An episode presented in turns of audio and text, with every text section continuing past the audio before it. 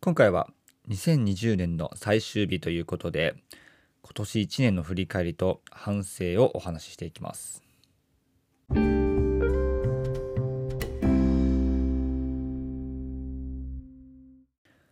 こんばんは。ひろとのフラット独り言。第73回目の配信です。はい、えー、これを撮ってるのが12月31日ということで、えー、2020年の最終日となりました。まあ、この年末っていうのはもうどうも忙しい時期で、えー、僕はですね、まあ、会社の部署移動もあったということで、まあ、12月の29日30ともうすごくですね、えー、の飲み歩いた、はい、そんな日々が続きました。まあそれこそ、まあ、歓送迎会っていうのが結構この時期もあるのかなと思うんですけども、まあ、僕はもう送迎も歓迎もどちらも増していただいて、まあ、すごくあのありがたかったんですけども、まあ、いかんせん寝不足が、ま続いてですね、まあ、29日から30日に、えー、変わる日にあたってはもうホテルに泊まるっていうねもう事態になりました。うんもう引っ越して間もないんですけども、ね、早速、まあ、会社の近くのホテルに泊まって、はい、まあ、過ごしてましたね。うん。まあ、なかなか、まあ、ハードだったんですけども、まあ、こういう経験もなかなか、ね、若いうちないと思うので、うん。まあ、すごくありがたかったですね。はい。えー、そんな2020年も、えー、終わりを迎えてるわけなんですけども、今これ撮ってるのが23時頃なので、あと1時間しないぐらいですね。はい、終わってしまいます。まあ、なのでですね、この残り1時間ということもあって、えー、今日はですね、もう本当にいろんな方してると思うんですけども、この2020年の、まあ、振り返りなんかを、はい、僕自身もしていこうと思います。えー、まあ、今日話す項目としては、うんまあ、ざっくり言うと、まあ、今年一番の、えー、チャレンジしたこと、そして今年一番の反省、そして、えー、来年に向けての、まあ、抱負なんかも本当にね、若干お話をしていこうと思います。はい。えー、まずですね、今年一番のチャレンジということなんですけども、まあ、この2020年、えーまあ、コロナウイルスというのがすごく蔓延してきて、まあ、なかなか、まあ、外に出て思いっきり羽を伸ばして何かをするってことが、まあ、しにくかったと思うんですけども、まあ、それでも、えーまあ、在宅ワークとかあとは、まあ、巣ごもり需要とかもあって本当にお家の中で、まあ、いろんな、まあ、チャレンジをされている方もいらっしゃると思います。まあそんな僕もですね、まあ、一応、えーまあ、チャレンジをしたことはまあ、うんまあ、そんなに大きくないんですけどもあね何個かありましてはい、えー、その中でもですねやっぱり一番の、まあ、挑戦というか、うん、これやってよかったなと思うのが、まあ、本当にそんなに面白くないんですけども、まあ、発信をするということですね。まあ、具体的にはこのラジオなんですけども、えー、僕はですねこのラジオを始めたのが、えー、ちょうど2020年の9月頃ですね。まあ、なのでちょうど、まあ、コロナも、まあ、ある程度はあの収まってきて、うん、あの感染者数も少なくなってきたかなっていうぐらいで始めたわけなんですけども、まあ、もちろんこの始めたきっかけっていうのもやっぱりコロナ禍で、えー、自分自身も在宅で仕事をする期間があったわけですと。まあそんな時はですねもうひたすらパソコンに向かってなんかカタカタやったりしていたのでもう自然と耳が開くわけなんですね。でその耳が開いていた時に僕はですねあのまあ他の例えば Spotify とか、えー、ポッドキャストとかまあそれこそボイシーとかいろんな音声の配信を聞いていたりとかあとは YouTube の音源を、えーまあ、聞いたりとか、ね、そんなことをしてたんですね。まあその時にあ音声ってあのー、まあ、仕事をしながらでも、まあ、聞けるしあなおかつ、まあ、すごく面白いコンテンツだなと思ってはい、まあ、ちょうどえー、まあ、音声市場っていうのがすごく伸びているよということも、えー、情報としては知っていたので、はいまあ、まだまだ、えー、規模はちっちゃいんですけども将来的にはまあ本当にねアメリカの方ではポッドキャスターっていう、まあの YouTuber に次ぐような、え職業が生まれたいというふうに盛り上がってるのでまあ、これは一つ自分もやってみたら面白いんじゃないかと思って始まったわけですと。はい。で、なんやかんや、えー、3ヶ月ぐらい経って、もう2020年も、えー、終わりを迎えるというとこまでとりあえずは、えー、続けることができました。はい。まあ、そんな、えー、発信をするということをこのラジオを通じて初めて僕は本格的に、まあ、するようになったんですけれども、あの、言ってしまえば、この社会人の、えーまあ、歴ともすごく重なるなと思っていて、え、というのも、え、1年前は、え、自分自身も社会人1年目だったんですね。やっぱり社会人というくくり上、え、何かサービスやら商品を世の中に提供していくっていう立場ではありつつもまだまだ1年生っていうのはまあの教えてもらう立場の方がね、まあ、強いと思うんですね。うんまあ、言ってしまえば学生の、ま、ちょっと、えー、若干レベルが上がった、まあ、延長みたいな、えー、そんなもんでなかなかですね、まあ、自分がじゃあ商品をねどんどんどんどん売り込んでいくとかそういうことはまあ正直そこまでできなかったですね。なんですけどもこの社会人2年目というのはやっぱり1年目とはね、まあ、ちょっとレベルもね1段階上がりますしやっぱりその周りからの期待値ってもまあ1段階上がるということで、うん、やっぱある程度のことは自分でこなさなきゃいけない。うん、なおかつ、えーまあ、僕は営業をやっているわけなんですけども営業だったら、えー、商品をお客さんに、まあ、提供しなきゃいけないっていうことでやっぱりそのサービスの、まあ、受け手側からもう提供する側に、まあ、そこで一つね、あの移り変わった、まあ、実感っていうのがすごく、えー、湧いてきました。はい、社会人2年目っていうのは。まあ、そんな中ですね、やっぱり、えー、やっぱ簡単にいくはずもなく、もう毎日毎日、えー、もう全然もうダメダメで、まあ、正直ですね、毎日同じことの、まあ、繰り返しではあるので、うんまあ、途中でね、いや、これはきついなと思ったりとか、うんまあ、お客さんを作るってね、まあ、商品を提供するって、まあ、そして、まあ、サービスを届けるのってすごく、まあ、大変で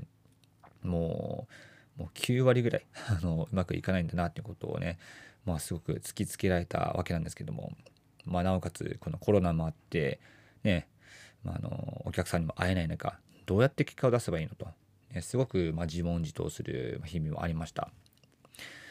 はい。まあ、そんな状況で始めたラジオであるので、やっぱりですね、まあ、あの、まあ、最初は本当に、もう全く、ま聞いてもらえなかったんですね。まあ、今も別にそこまではね、まあ、聞いてもらえる方、えー、多くないんですけども、まあ、それでも始めたての頃に比べたら、えー、だいぶですね、リスナーさんも増えてきて、うんえーまあ、その中でですね、やっぱりもうよりまあいいものを届けたいなというのもありますし、うんまあ、もっと言えばねもっと自分の中でも、まあ、オープンにできる部分があるのかなというふうにすごく思いました。はい。やっぱりね始めたてとかは、まあ、日頃あのうちに秘めていたものをもしくはねあの別に発信しなくてもいいやと思ってたものを、まあ、オープンにする。これってすごく、まあ、恥ずかしいことだなと思いましたし、はい、まあ正直ですね、内容の、まあ、質に関しては、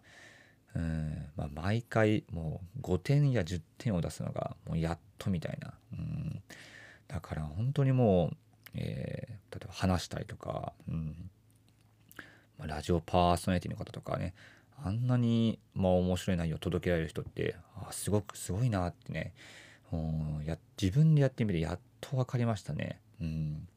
やっぱそういう実感もね、実際にやってみながらあったので、本当にですね、発信をするっていうことは、えー、すごく僕の中では、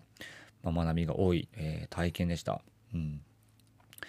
まあ、もちろん、あの会社で勤めながら、えー、その終わった後とかにやっていたので、配信する内容をね、まあ、絞り出した時もありましたし、もう中には別にこんなんどうでもいいかなって のいうものもまあ、発信したいとね、うん、本当にもう、なんだろう、まあ、あとは時にはね、眠い目をこすったりという時もあったりしたんですけども、まあ、本当に、うん、まあ、定期的に情報というか、ね、発信するってことは、あのまあ、継続するって難しいなってすごく思いました。はい。まあ、なんですけども、まあ、だからこそこういうね発信とか、ま、特に、ま、ラジオは僕の中ではすごく面白いなと思います。うんやっぱり毎日の、えー、同じ繰り返しの中でも、えー、その日その日で、ま、微妙にその心境が違ったりとか、はいまあ、それこそ、ま、気分がいい時もあればもうめった打ちに怒られて あのだだ下がりの状態で、ま、配信する時期もあったりと本当ねいろんな状況の中で、えー、何やかんや3ヶ月やってきたんですけども、はい、この一歩のマイクに向かって、うんまあ、自分の今の、まあ、考えていることや、えーね、思っていることを実際に発信するってことは、まあ、すごく面白いと思いましたし、えましてやねこの声だけのコンテンツラジオっていうのは、うん、それこそ、ま人間らしさが出る、えー、ま、まさにパーソナリティって言われる部分が、えー、出るなと思ったのでまあこれはですね今年の中では一番あのー、自分の中でやってよかったなって思うチャレンジです。はいまあそんなラジオなんですけどももちろんここでね、え、1年で辞めるつもりもなくはい2021年は、ね、継続をしていこうと思っていますはい。とりあえずは、え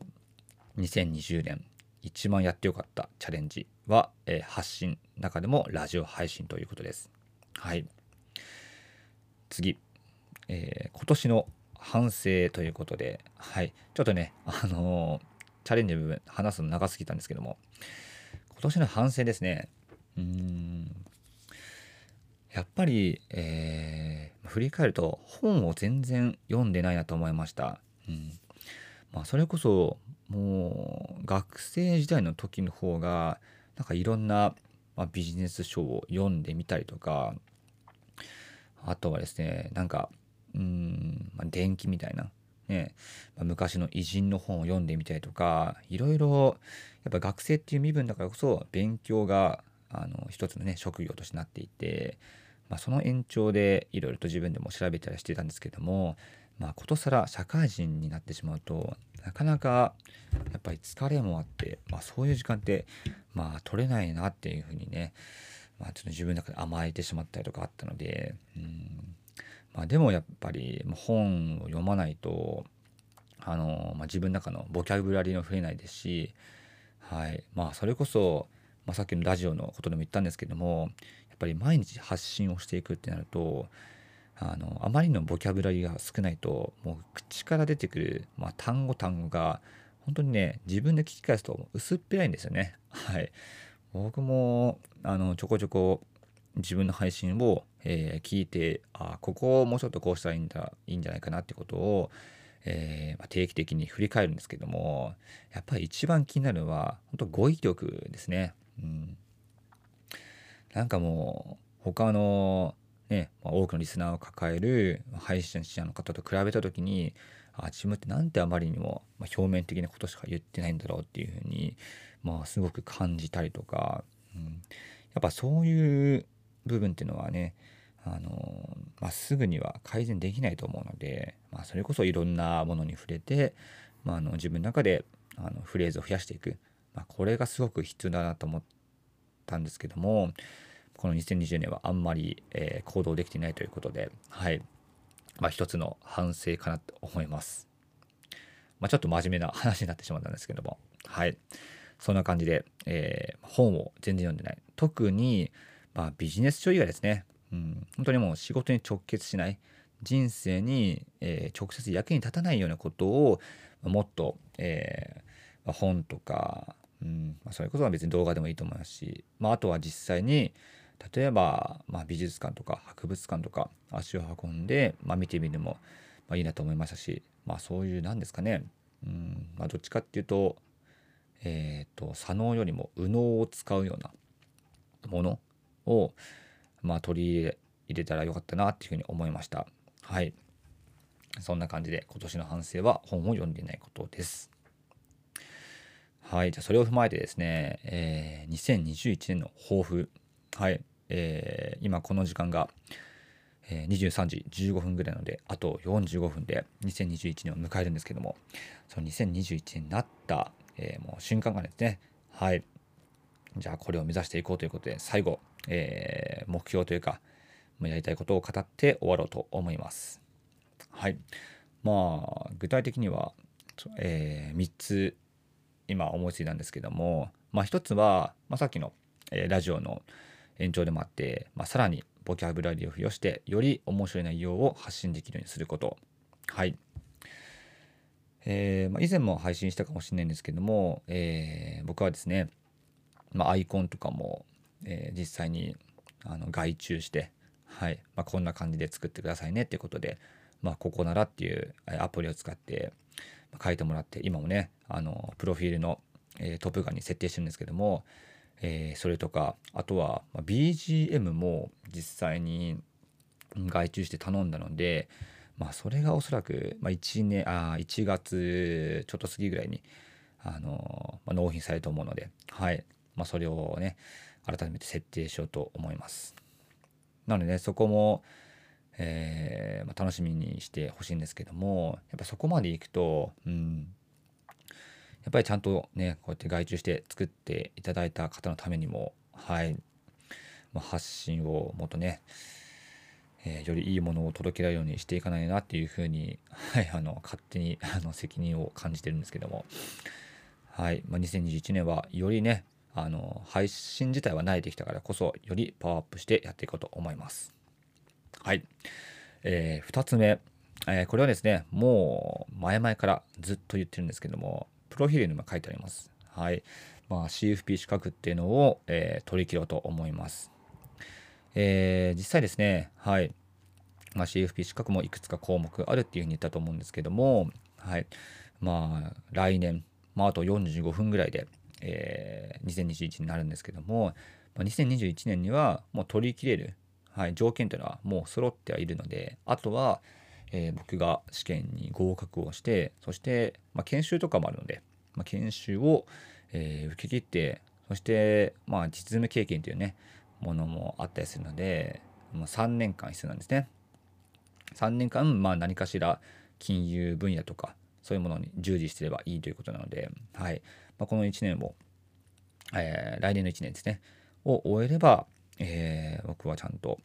まあ、CFP 認定までいけるということでそこは本当もう今年あ来年でやりきろうと思います。はい、えー、最後3つ目、えー、3つ目のですねまあ、これは新たなチャレンジをするということで、まあ、正直具体的に何をするかは全く決まってないんですけれども、うん、なんかどっちかっていうと、そうですね、うん、さっきも言ったように、まあ、右脳を使うような、うんまあ、どっちかっていうと、まあ、アーティスティックな何かを、えー、やろうかなってすごく思ってます。はい。ちょっとね、それを何かっていうのはまだまだ模索中なんですけども、はい、今すごくざっくりと、えイメージをしてる段階です。なのでね、ここに関してはまた、あの、こんなことをやりましたってことを、えー、届けられるように配信をね、したいと思うので、是非その点も、あの、聞いてくださっている方は楽しみにしていただけたらと思います。はい、えー、こんな感じで、えー、3点ですね。新たな抱負ということでお話をしました。はい。